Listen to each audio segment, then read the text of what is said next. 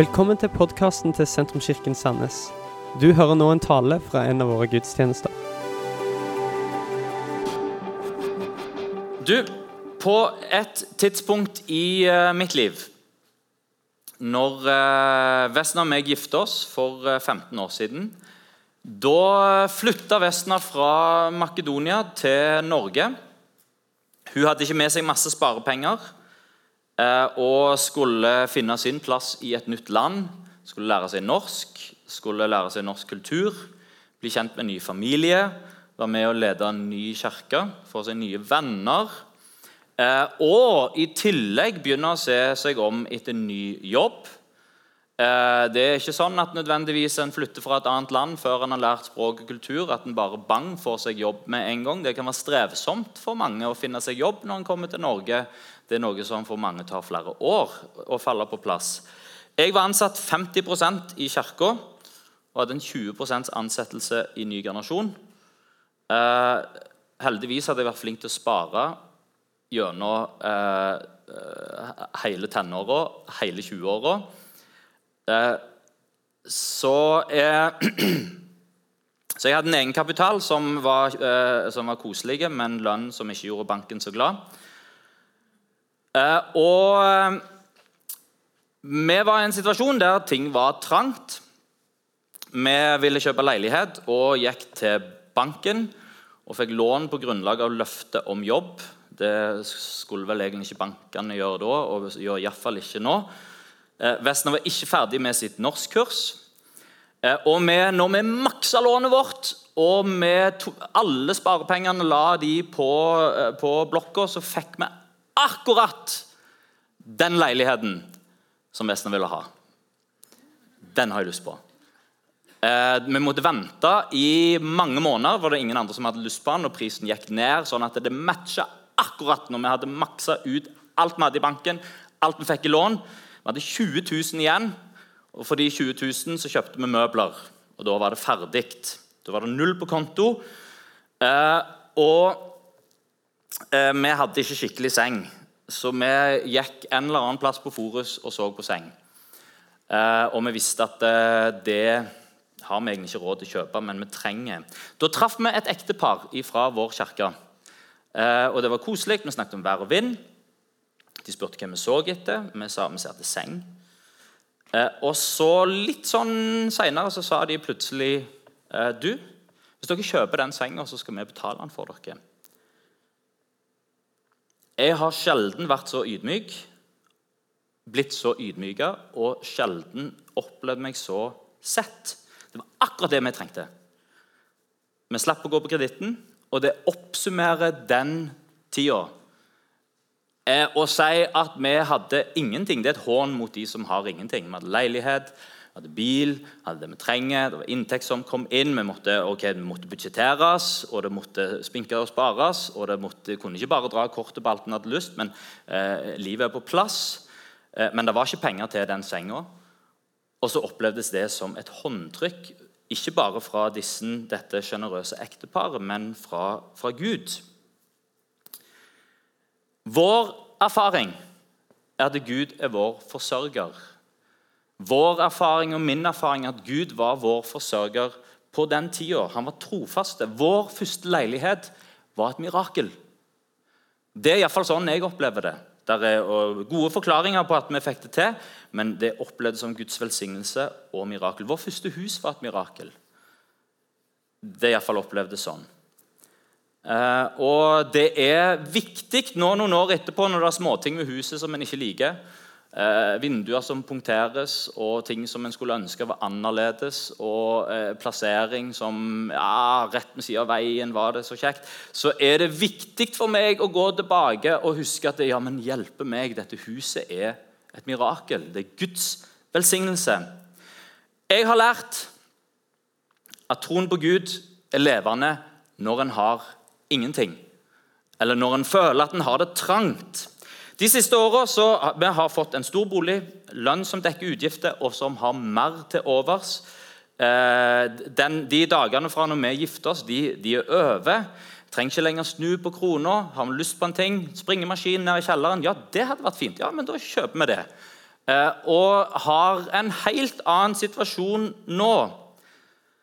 Kan se på naboen og se hva de har, og tenke at ja, naboen har jo eh, fin steinlagt oppkjørsel, vi har singel. Ja, men jeg, vi òg har jo lyst på steinlagt eh, oppkjørsel og ikke bare singel. Ja, men da, da gjør vi det.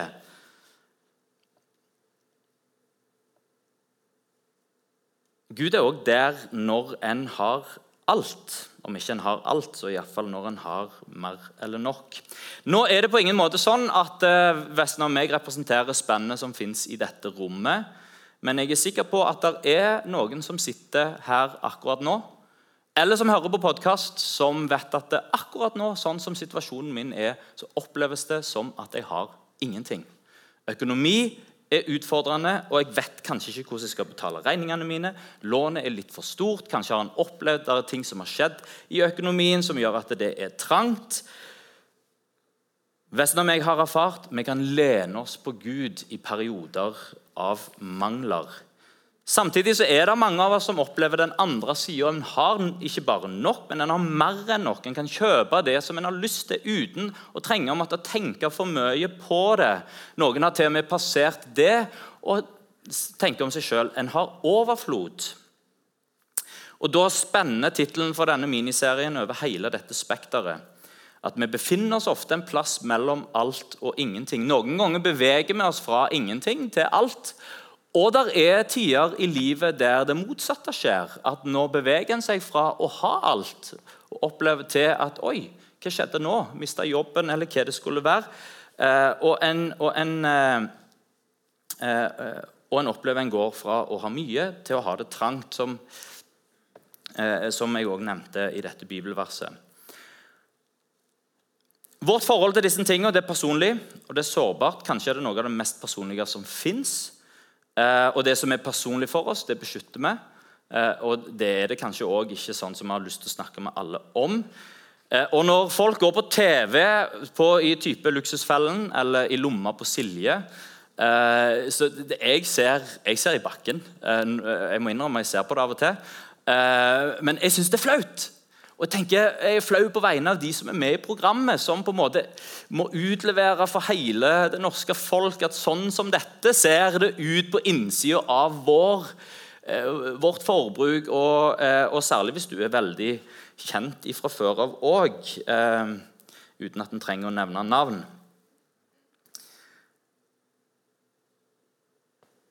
Da må vi bare passe på at vi ikke også beskytter dette området overfor Gud. Eh, for forholdet til Gud har noe å si for hele livet vårt.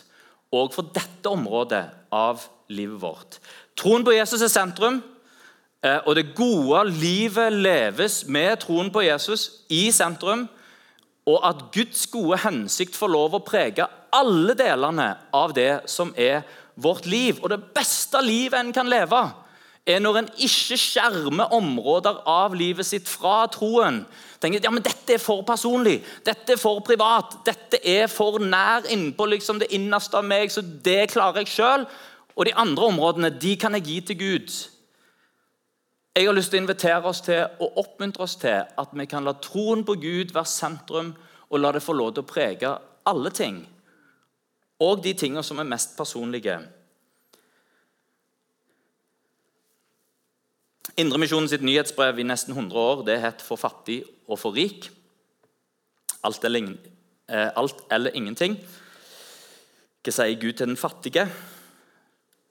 Hva betyr, hva betyr, det å tro på Gud når en er fattig, eller kanskje ikke fattig, en har lite? Hva sier Gud til den rike? Eller det er jo få som ser på seg sjøl som rik òg, men den som har mye. Og Jeg har lyst til å lese eh, fra Filippa-brevet 11, 12 og 13 igjen. 4, 11, 12 og 13.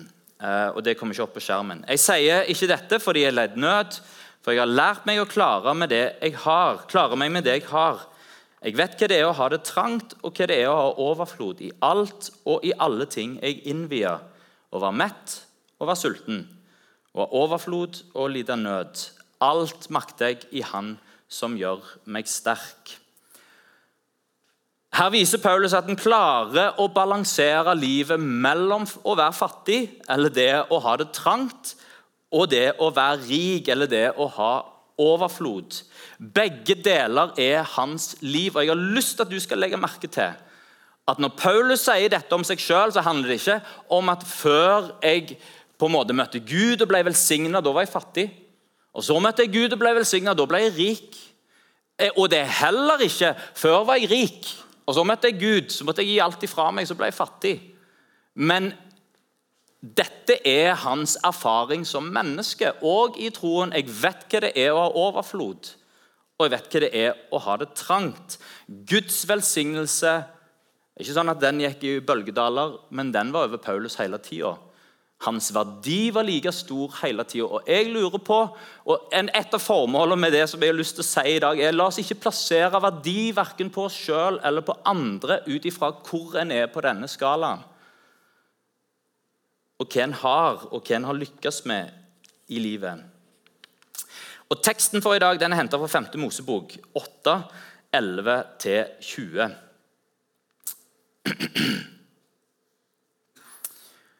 Vokt deg så du ikke glemmer Herren din Gud og forsømmer å holde budene, lovene og forskriftene hans som jeg pålegger deg i dag.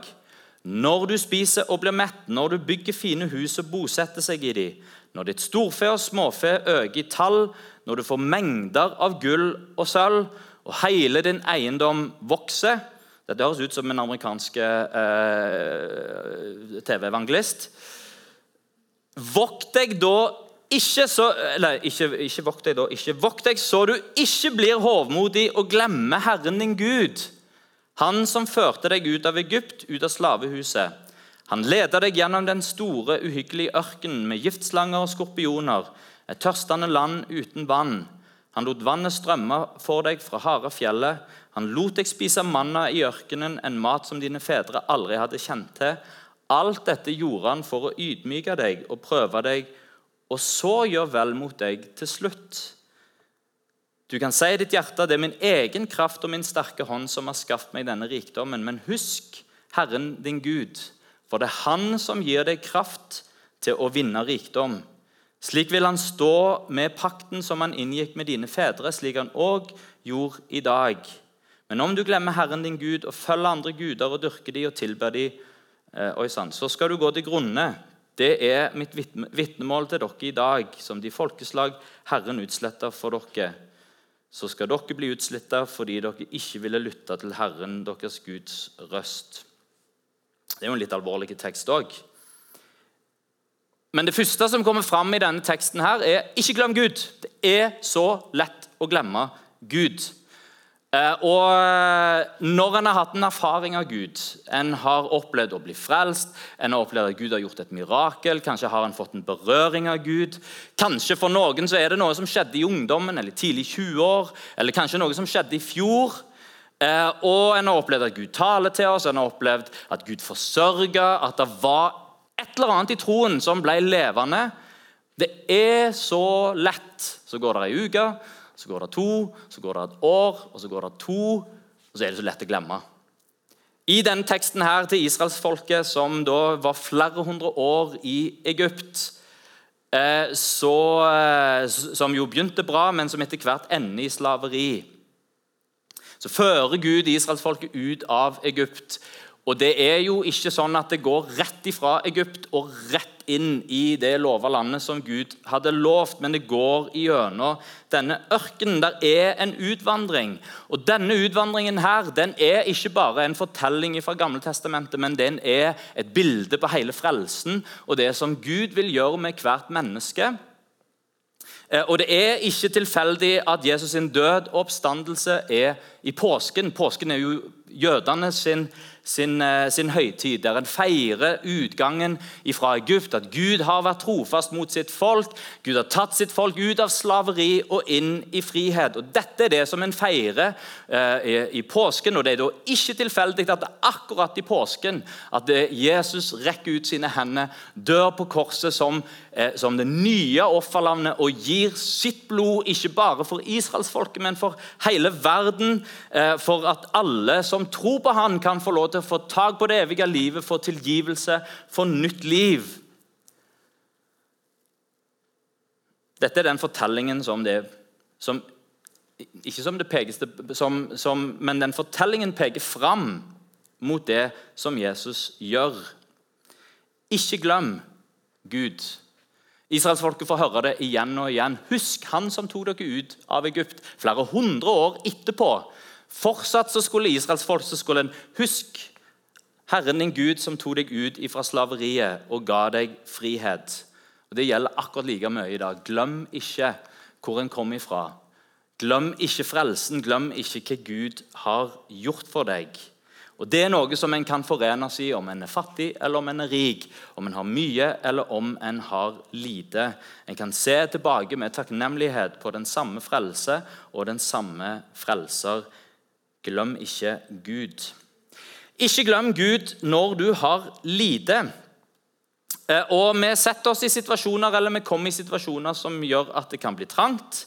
Som jeg fortalte innledningsvis, så har vi har vært i den situasjonen. Det kan bli, og det kan være mange ting. Det kan bli et lån som blir for stort. Det kan være en lønn som går ned. Det kan være at en mister jobben eller må gå ned i stilling. Flere opplevde jo det under oljekrisa for noen år siden. At det plutselig så ser ting annerledes ut. Eh, investeringer kan slå galt. Renta kan gå opp. En kan bli ufør eller kan gå arbeidsledig eller andre ting som gjør at tilværelsen blir permanent trange. Og Jeg lurer på, når en har lite i det norske samfunnet, om en kanskje skammer seg. Om det er en av disse tingene som det er vanskelig å snakke om. For det skulle vært annerledes. Jeg skulle jo vært der som de andre på min alder er. Det er noe galt med meg. En opplevelse av å stå eh, utenfor. Jeg har lyst til å adressere en annen ting òg, for Norge er et av de mest konforme samfunnene i, i verden, faktisk. Eh, der, der er, og I den vestlige verden så er Norge i en særklasse. Altså et, et, et samfunn der det er veldig sånn Det er veldig eh, Det fins rammer eh, som en skal holde seg innenfor, og som ikke er skrevet ned noen plass, men som du merker at du på en måte Oi, det kan være ytringsrommet vårt. Det kan være hvordan en skal leve livet. De som flytter til landet vårt, de merker det. Eh, for der er en standard på hvordan ting skal se ut hjemme. Der er en standard på hvordan en skal leve livet. Det er en standard på hvordan du skal snakke. Det er en standard på hva du kan si og hva du ikke kan si. For den som kommer fra kultur der en bare snakker, og, eh, så, så, oi, så merker en at nei, men det kan jeg jo ikke bare gjøre her. Så er det et tak, og så er det en sånn konformitet i Norge som, er, som, som har vært en del av kulturen vår, som vi kanskje ikke helt tenker over. Og Jeg syns det er trist å høre at folk som flytter internt i Norge, som har kommet fra andre deler av Norge, som flytter til Rogaland, sier at det, sånn materielt sett så er dette et område hvor en merker det der konforma eh, Bilen skal se sånn ut, huset skal se sånn ut, jobben skal være sånn, inntekter skal være det, interiøret skal være sånn. Og det syns jeg er trist bondekulturen på Jæren og Rogaland og hardtarbeidende, nøysomme bedehusmennesker fra Vestlandet. Vi kan ikke la dette være det som er Sånn er det å komme til oss. Det syns jeg er trist. Vestna liker ikke at jeg sier dette. Så unnskyld, Vestna, hvis du hører på podkasten etterpå. For jeg, jeg, liker ikke det der at vi måler hverandre opp mot hva vi har. Så eh, jeg vil ikke bytte ut Jaresen min. Og Det er fordi jeg sparer enormt penger på det. Det, jeg, det hadde vært gøy å bare bruke denne prekenen til å fortelle om hvor billig den bilen er. Og hvor mye annet gøy du kan bruke de pengene til. Men nå, nå, nå bryr ikke jeg meg om bil, så derfor så kan jeg gjøre det. Og jeg sier ikke at du skal gjøre det, for det, det, det, er ikke noen sånn spesiell gudsfrykt i å, å, å kjøre eh, en, en, gammel bil. Eh, så, så, det handler mye om å spare penger, og jeg bryr meg veldig lite om bil. som kommer fra A til B. Men så har jeg òg lyst til å vise litt fingeren til forventningene om hvordan det må være når du er over 40 år. At du, det må være sånn, og det må være sånn. Nei, det må ikke være sånn. Det er lov å gjøre noe som er annerledes. Og min verdi synker ikke fordi jeg ikke kjører en så fin bil. Den er lik. Det er lov for en mann i en betydningsfull posisjon å kjøre en slakkebil. Det er til og med lov å bo i et lite hus. En må ikke liksom, å, 'Nå må jeg gjøre sånn som alle de andre. Hvordan har naboen det?' Og så må jeg òg gjøre det. Og så gir vi ikke hverandre verdi ut ifra hva vi har. Og det går begge veier. For da handler det ikke om å springe rundt og misunne alle og se hvor fint hus de har. og se, Skulle ønske jeg hadde det sånn som de. Og så skape en avstand begge veier. La oss se på hverandre som mennesker. Når vi har alt, og når vi har ingenting. I kirka i Korint så delte menigheten seg i de som hadde mye, og de som hadde lite. Nattverden, som skulle fungere som et felles måltid, som forente hele kirka og alle etter Kristus, der kom de rike med masse mat, vin og gode ting. Eh, og de fattige hadde ikke så mye mat som en kunne bringe til nattverden. Nattverden ble feira som et felles reelt måltid, ikke bare med oblater, men der en spiste sammen. Eh, og så samler de rike seg og gasser i seg maten som en har med seg. Og de fattige sitter med sine brødsmuler og, og spiser. Så sier Paulus sånn som dette kan vi ikke ha det. Det kan være det er sånn der ute, og at det er lagdelt, og at en deler seg i hvem som har og ikke har, men i kirka er alle ett i Kristus. Og vi setter ikke verdi på hverandre ut fra hva vi har. Vi tenker ikke at fordi vi har litt mer, så er vi litt mer. Eller fordi vi har litt mindre, så er vi litt mindre. Det er ikke en god holdning. Kirka er et godt sted å være når du har lite. Og kirka er et godt sted å være når du har mye. La oss ikke glemme Gud.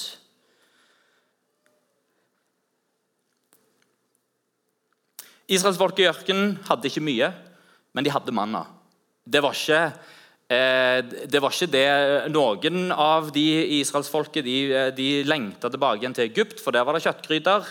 Eh, og, og Mikona Westner mener jo også at når en ser på liksom den egyptiske kulturen og, eh, og, damene som drev med hårfletninger og sminke, og det var høy kultur, så er det hun sier jo selvsagt når de da blir tatt ut av en kjekk bykultur ut i ørkenen. Selvsagt ser de tilbake og klager og skulle ønske at de var tilbake i byen, der det var god mat og der det var liksom skikkelig kultur, og eh, ikke sitte rundt i telt og eh, være solbrente og ha, eh, og ha sand på skjeva. Eh, men Gud sørga for dem med mat, selv om det ikke var det var ikke mer enn det det trengte å være. Og Da har en et valg. Skal jeg være misunnelig på de som har, eller skal jeg spise min manna og takke Gud uten å se tilbake på kjøttgrytene som kunne ha vært. Paulus skriver jeg har lært meg å klare meg med det jeg har, og da òg å være takknemlige for det en har. Jeg tror det begynner der. Når en har lite, vær takknemlig for at Gud er med deg med det, og vær takknemlig for det lille som du har. Tro at Gud kan forsørge. Bryr Gud seg om min trivielle utfordring? Svaret er ja. Jeg leste tittelen på ei bok en gang. jeg har ikke lest den enda, men 'What's Not Wrong with the Prosperity Gospel'. Uh, og Der er noen ting som ikke er galt med framgangsevangeliet. Hva det er for noe? Gud bryr seg om din hverdag. Gud bryr seg om dine materielle behov. Gud bryr seg om de helsa og din situasjon. Som, han bryr seg om hele mennesket. Det kan så fort være sånn at vi, vi deler det inn i det åndelige, og så, de, og så, er det alt det materielle, kroppslige. Gud bryr seg om det åndelige, og så er det for vi klarer oss med det andre sjøl. Men Gud bryr seg om hele mennesket. Og Han ser deg i dine utfordringer, og du kan komme med dine utfordringer til Gud. Gud åpenbarer seg for Abraham og sier 'Jeg er Herren din forsørger'. David sier i salmen 'Herren er min hurde, jeg mangler ingenting'. Jesus sier i bergpreken 'Søk først Guds rike og hans rettferdighet', så skal du få alt det andre i tillegg. Og Så legger han til at vi ikke skal bekymre oss over morgendagen. Morgendagen kan bekymre seg over seg sjøl. Bekymre dere ikke over mat og drikke og klær. Se på fuglene under himmelen, se på blomstene på marka. De bekymrer seg ikke over disse tingene, men Gud gir dem det som de trenger. Jeg vil oppmuntre oss til når, har, når det er båndskrapt og det er trangt. Takk for det en har, og våg å stole på Guds forsørgelse for det en ikke har. Og så går det an å tro at det kan bli bedre. Og Det er noe i den der troen på at ja, men det kan bli bedre, som driver oss framover. Er det lov som kristen å tro at det kan bli bedre? Ja, det er lov. For det israelsfolket som gikk i ørkenen når de var der i 40 år, og kanskje trengte de ikke å være der så lenge, men de var grumpy og de ville tilbake, og det var eh, all slags mulige ting som, som, Gud måtte ta i tak med Deres tilværelse var langt, på, var langt fra perfekt. Men det var ikke bare takknemlighet og tro for i dag. De kunne se fram til at Gud skulle lede dem ut fra ørkenen og inn i et lova land, et land som flyter av melk og honning, der, kunne, der det var, der var marker til å så, der en kunne høste, og der det var overflod. Gud vil lede oss ut av land med ørken, giftige skorpioner, i et lova land av melk og honning. Det evangeliet vi forkynner, det skal gi like mye mening i Afghanistan som i Nigeria, som i Norge og i Mexico og Makedonia. Og alle disse stedene, uavhengig av om en har mye eller lite, så kan en tro at det kan bli bedre. Gud kan lede meg fra der jeg er nå, til noe som er til et lova land, og til noe som er bedre. Tro at Gud ønsker å gi meg mer, Tro på at Gud kan løfte meg ut av denne situasjonen. Tro på at det som oppleves som en kamp, får endene til å møtes. At Gud kan møte deg og velsigne deg òg materielt. Ikke glem Gud. Og så til slutt her ikke glem Gud når du har mye. Det er en sammenheng mellom eh, menneskers suksess og mellom hovmodighet og stolthet. Det ligger i oss som mennesker å ta kreditt for det gode som skjer i livet vårt. Problemet med det er at den hangen der til å ta kred for det gode som skjer, det er òg den som trykker oss ned når gode ting ikke skjer. Når, ja, men da, ja, Jeg får ikke ting til. Å, jeg, får, det, jeg er så dårlig. Å, det er noe galt med meg. Og så går allting bra. ja, men å, se, å, fantastisk, se hvilken person. Du kan se det på noen fotballspillere som kanskje er bare rett person i rett klubb til rett tid, og som plutselig skårer bøttevis av mål og som har et ego altså Det er jo problemet til de fleste fotballspillerne. har jo ego som ikke ligner noen ting. Og så glemmer en laget sitt, og en glemmer klubben sin, og en glemmer alt hvor en kommer fra. Og så plutselig så handler det bare om meg, og det, det, det er meg. Mens sannheten er at ja, det, du er bra, men, men, du står i en kontekst. Du har, du har en, en, en, eh, en, kamerat der som eh, fòrer deg med noen gode pasninger. Eh, du har et lag som spiller på en måte som en trener vil. Du passer veldig godt inn i dette laget. Det handler ikke bare om deg. Du står i en kontekst. Vi glemmer det når vi er fra Norge. Vi tenker på oss sjøl og sammenligner oss litt med kanskje andre europeiske land. Vi tjener litt bedre i Norge. Kanskje er vi litt smartere enn de andre. Kanskje vi er litt bedre. Eh, og så eh, kan det kanskje være greit å tenke at vi, vi har jo ei olje som har pumpet inn mye penger i landet vårt. Kanskje er det ikke pga. at vi er så enormt dyktige. Vi er jo dyktige også, men kanskje det er også andre faktorer som vi må ta i betraktning. Vi sier fort i vårt eget hjerte det er min egen kraft og min sterke hånd som har skaffet meg denne rikdommen.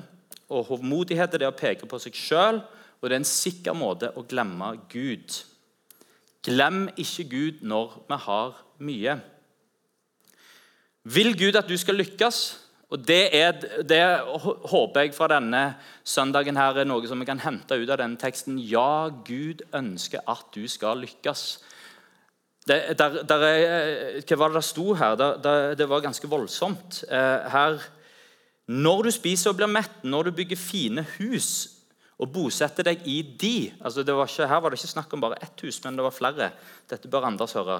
Eh, når ditt storfe og småfe øker i tall, når du får mengder av gull og sølv, og hele din eiendom vokser Dette, er det som, dette ønsker Gud.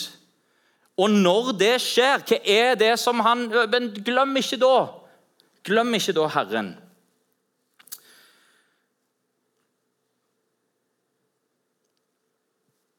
For Gud gir deg kraft til å lykkes. Gud ikke bare vil at du skal lykkes, men Gud gir deg kraft til å vinne rikdom. Det er Gud som har gitt deg gavene dine, det er Gud som har gitt deg talentene dine, det er Gud som har gitt deg dine ressurser. Å bruke de til det beste for seg sjøl og for andre, det er god forvaltning av det som Gud har gitt til deg. Å arbeide for å vinne rikdom er ikke på sida av det som Gud har kalt deg til. Når en gjør det, så er det noe, du en er midt i noe som Gud ønsker for ditt liv. Han ønsker faktisk som en god far. Det er jo ikke sånn at Når jeg tenker på døtrene mine, så håper jeg at de skal bo, bo under en stein. Eh, jo, litt, faktisk. Akkurat det med stein. Men, men eh, jeg vil jo at de skal lykkes. Jeg eh, vil at de, de, de skal få det godt i livet. Jeg vil unne dem å tjene gode penger. Jeg vil unne dem å ha velstand og ha det godt. Og Gud er en god far som ønsker deg godt i livet. Ditt arbeid for å forsørge deg sjøl og familien er ikke på sida. Det er ikke ubibelsk heller å ønske seg mer og jobbe for mer. Gud gir deg faktisk styrke til å gjøre dette. Det som er utenfor Bibelen, det er at du glemmer Gud mens du gjør det og sier det er min egen styrke og min egen kraft som har hjulpet meg til å vinne rikdom.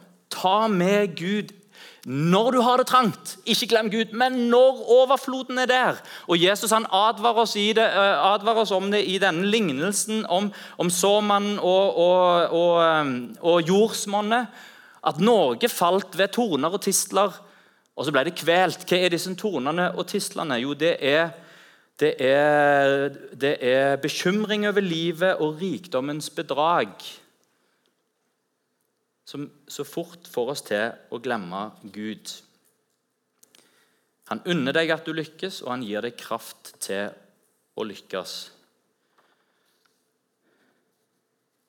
Og Bibelen gir oss oppmuntring til hvordan det kan skje. Det er ikke poenget med denne denne prekenen her, men jeg hadde lyst til å ta det med, og bandet kan eh, komme opp og gjøre seg klar.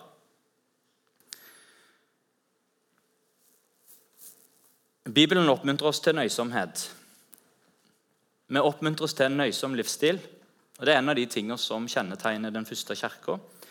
Og vi finner det gjennom hele kirkehistorien. En nøysom livsstil selv om en har mye et bibelsk prinsipp. Og det er jo fint, for eh, hvis du snakket om det for 30 år siden, så var det litt kjipt og kjedelig. Men når en snakker om det i dag, så er jo det faktisk veldig eh, Det er jo veldig eh, det, det treffer vår tid. Nøysomhet, bærekraft, det å tenke gjennom forbruket vårt og ha en bærekraftig livsstil. Men Det skal ikke Kirka løfte fram fordi det er noe som folk vil høre akkurat nå, men det trenger vi som kirke å løfte fram fordi det er noe som Bibelen løfter fram og som har kjennetegnet kristne til alle tider. Vær nøysomme, for det er noe som Bibelen oppmuntrer oss til å være. Bibelen oppmuntrer oss til å spare, og det er en disiplin. Og Det prinsippet det, det kan du finne allerede i Gammeltestamentet, med Josef som ble satt inn til å forvalte syv gode år der det er overflod så henter han inn av overfloden istedenfor at alt blir brukt opp og alt blir solgt. Så bygges svære kornsiloer og tonnevis av korn som legges i hvert år, og som spares til det skulle komme syv magre år. Og Når de syv magre årene kommer, så begynner Josef å selge på vegne av farao og Egypt. Egypt blir velstående. Hvorfor? Fordi de hadde lært å spare. Hvis du unge som, eh, som hører på i dag, begynn å spare. Når en har alle sine utgifter dekket av foreldrene og en begynner å tjene penger og tenker at ja, men det er penger som kan gå til forbruk, lær deg heller å spare. Lær en nøysom livsstil, lær å spare og sette av til det som kommer foran. Bibelen oppmuntrer oss til å investere. Og det, der, det, er ikke min oppgave som pastor å kunne masse om investering. Det kan du finne ut av andre plasser. Men hvis du ser på Jesus' sin lignelse om økonomi og penger, så handler de ofte om investering. Det handler om å legge til side, og så handler det om å ta av det som er lagt til side, og investere i noe som kan forøke seg. Og vi så og høsta Hans Nilsen Hauge han tok disse versene og disse lignelsene fra Jesus, lignelsen om talentene, og så gjorde han det til sin livsvisjon. Jeg vil leve sånn at det er noe til overs. Det som er til overs, det vil jeg ta, så vil jeg investere, og så vil jeg fortsette å leve sånn. Han var med å forandre Norge med å gjøre maksimalt ut av det talentet som han har fått. Bibelen oppmuntrer oss til arbeidsomhet. Latskap og unnasluntring er ikke bibelske prinsipper. Hele ordspråken er stappfull av hvordan Gud velsigner vårt arbeid. Og så oppmuntrer Bibelen oss til å gi, som også er et universelt økonomisk prinsipp. Galileasjøen er full av liv. Dødehavet er full av salt. Ikke så mye liv. Galileasjøen så kommer der, der kommer vann inn, og der går vann ut. Dødehavet så kommer det bare vann inn. Men dette er ikke hovedbudskapet i dag. Hovedbudskapet er det alt og ingenting. Glem ikke Gud når det er trangt. Glem ikke Gud når han har overflod. Søke tilbake igjen til Han igjen og igjen. La oss be sammen.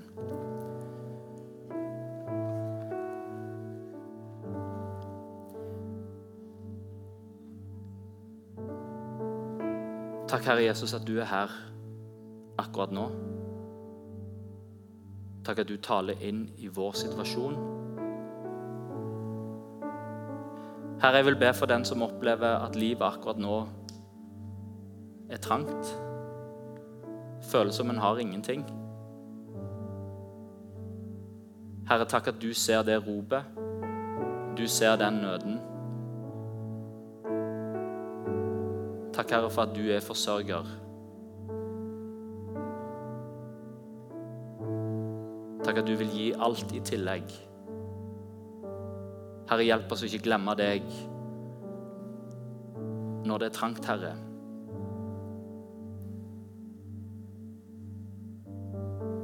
Takker deg, Herre Jesus, at du vil velsigne oss. Takk at du vil velsigne. Du unnes at vi lykkes, Herre.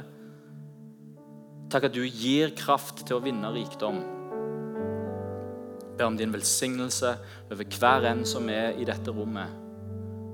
Takk, Herre, at du kan løfte blikket vårt fra der vi er. At vi kan se inn i noe også som er bedre, Herre. Takk at du leder oss. Takk at vi kan stole på deg. Takk at vi kan gjøre som Paulus. I alle ting være takknemlige. Og makte alt i deg som gjør oss sterk. Jesu navn. Dette var slutten på denne talen. Håper du har blitt inspirert. Om du har lyst til å vite mer om hvem vi er, eller hva vi gjør, eller har lyst til å høre flere podkaster, så kan du besøke vår nettside sentrums.no.